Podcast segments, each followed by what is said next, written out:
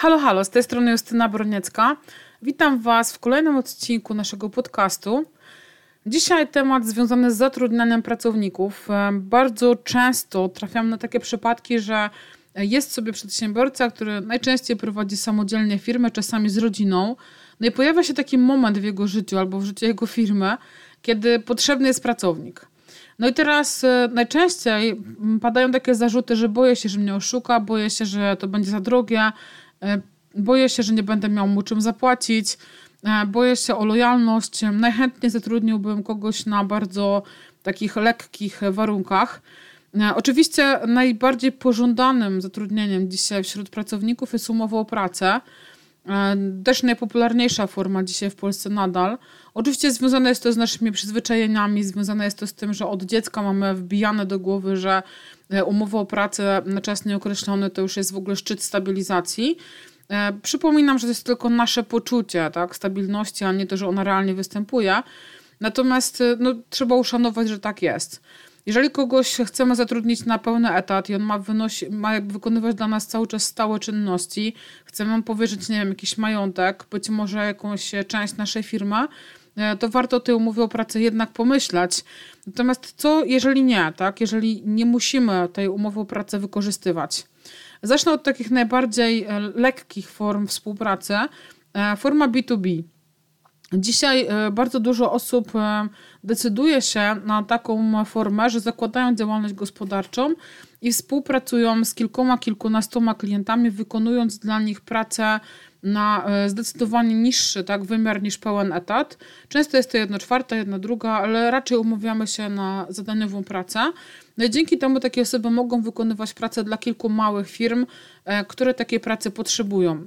E, dzisiaj, jeżeli szukalibyście takiej osoby, która się chętnie rozliczy na B2B, na pewno warto poszukać w miejscach, gdzie są zgrupowane asystentki czy asystenci wirtualni, którzy pomagają pracować zdalnie.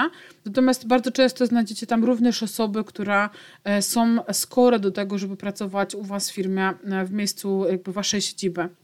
Natomiast jeżeli to się nie uda, to pamiętajcie też o tym, że od ponad dwóch lat w Polsce można korzystać z tak zwanej działalności nierejestrowanej. Osoba, która chce sobie dorobić, być może nie będzie to zbyt popularne, ale prawda jest taka, że wiele osób, wiele matek, które dopiero co urodziło dziecko, chciałoby na jakąś część etatu małą, niezbyt zobowiązującą, z kimś współpracować. Często słyszę, że chciałabym wyjść do ludzi, tak po prostu. Być może warto taką osobę znaleźć, poszukać.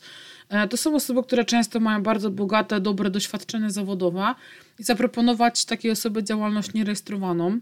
E, ta osoba może zarabiać na takiej działalności nie więcej niż połowę minimalnej krajowej. W roku 2020 to jest oczywiście połowa z 2600, czyli 1300 zł. Być może nie są to jakieś kokosy, natomiast jeżeli my potrzebujemy kogoś na 20-30 godzin w miesiącu, to myślę, że jesteśmy w stanie się przy takiej działalności nierejestrowanej dogadać. E, na drugą grupą zawodową, która może szukać takiej opcji, e, są studenci, natomiast no, najczęściej się zatrudnia na umowę zlecenia, dlatego że e, jest to umowa bezzusowa dla osób, które się uczą do 26 roku życia. Kolejnym elementem, z którego można skorzystać, jest umowa o dzieło.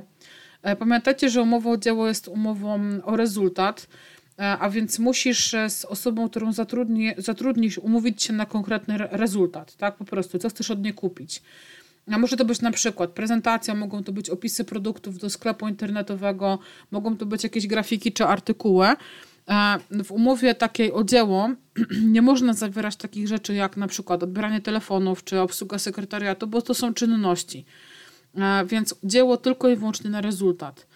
E, w przypadku właśnie takich czynności jak obsługa sekretariatu, jak odbieranie telefonów, jak obsługa mediów społecznościowych, powinno się zastosować umowę zlecenia teraz dla osób, które nie ukończyły 26 lat i się uczą, to taka umowa zlecenia jest nieozusowana, no i od, od niedawna również nieopodatkowana, tak, bo osoby do 26 roku życia nie muszą płacić podatku e, dochodowego e, od zeszłego roku, od, od października chyba, jeżeli dobrze pamiętam. E, natomiast jeżeli zatrudniamy osoby starsze bądź osoby które mm, są na emeryturze na przykład, no to od takich osób zawsze będziemy opłacali E, pełny ZUS. Więc zanim sięgniemy po umowę o pracę, być może warto zorientować się na rynku, e, czy istnieją ludzie, którzy chcą z nami współpracować inaczej, bo to może być, tak jak wspominałam, faktura, po prostu B2B. E, to może być osoba, która chce sobie dorobić i będzie nam wystawiała rachunki z działalności nierejestrowanej, e, czy ostatecznie zastosować umowę o dzieło lub zlecenia. Bardzo często umowa o pracę jest traktowana jako ostateczność dla pracodawców, szczególnie tych małych, którzy uczą się współpracy z ludźmi, E, którzy potrzebują zbudować zaufanie, że tak można i że mnie na to stać. Na dzisiaj z mojej strony to chyba tyle. Oczywiście, jak zawsze, zapraszam Was na naszą stronę e, zostaniamus.pl. Na naszej stronie znajdziecie sporo praktycznych informacji. E, mamy tam również sklep z naszymi produktami, także zapraszam Was serdecznie. Życzę udanego dnia i do usłyszenia następnym razem.